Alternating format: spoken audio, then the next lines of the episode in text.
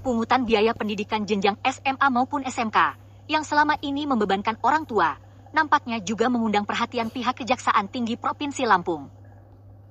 Menurut Kasipenkum Kejati Lampung, Andri Setiawan mengatakan, pihaknya berencana akan menerjunkan tim untuk menelusuri pungutan biaya sekolah di SMA dan SMK dalam waktu dekat ini.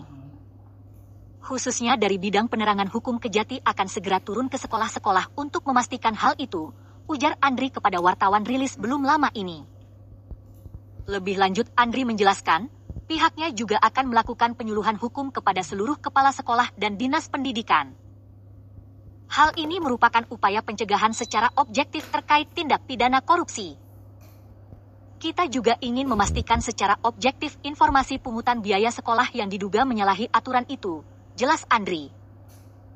Sebagaimana yang diberitakan sejumlah media cetak maupun online di Lampung, hampir sebagian besar SMA SMK di Lampung melakukan pungutan biaya sekolah selama masa pandemi COVID-19. Misalnya seperti di Bandar Lampung, M pungutan biaya sekolah terjadi di SMAN 3, SMAN 15, dan SMKN 3. Dasarnya ialah peraturan gubernur, Pergub, Lampung nomor 61 tahun 2020. Bahkan sejumlah wali murid telah mengadukan pungutan tersebut kepada Ombudsman Perwakilan Lampung. Dan saat ini dalam proses penyelidikan.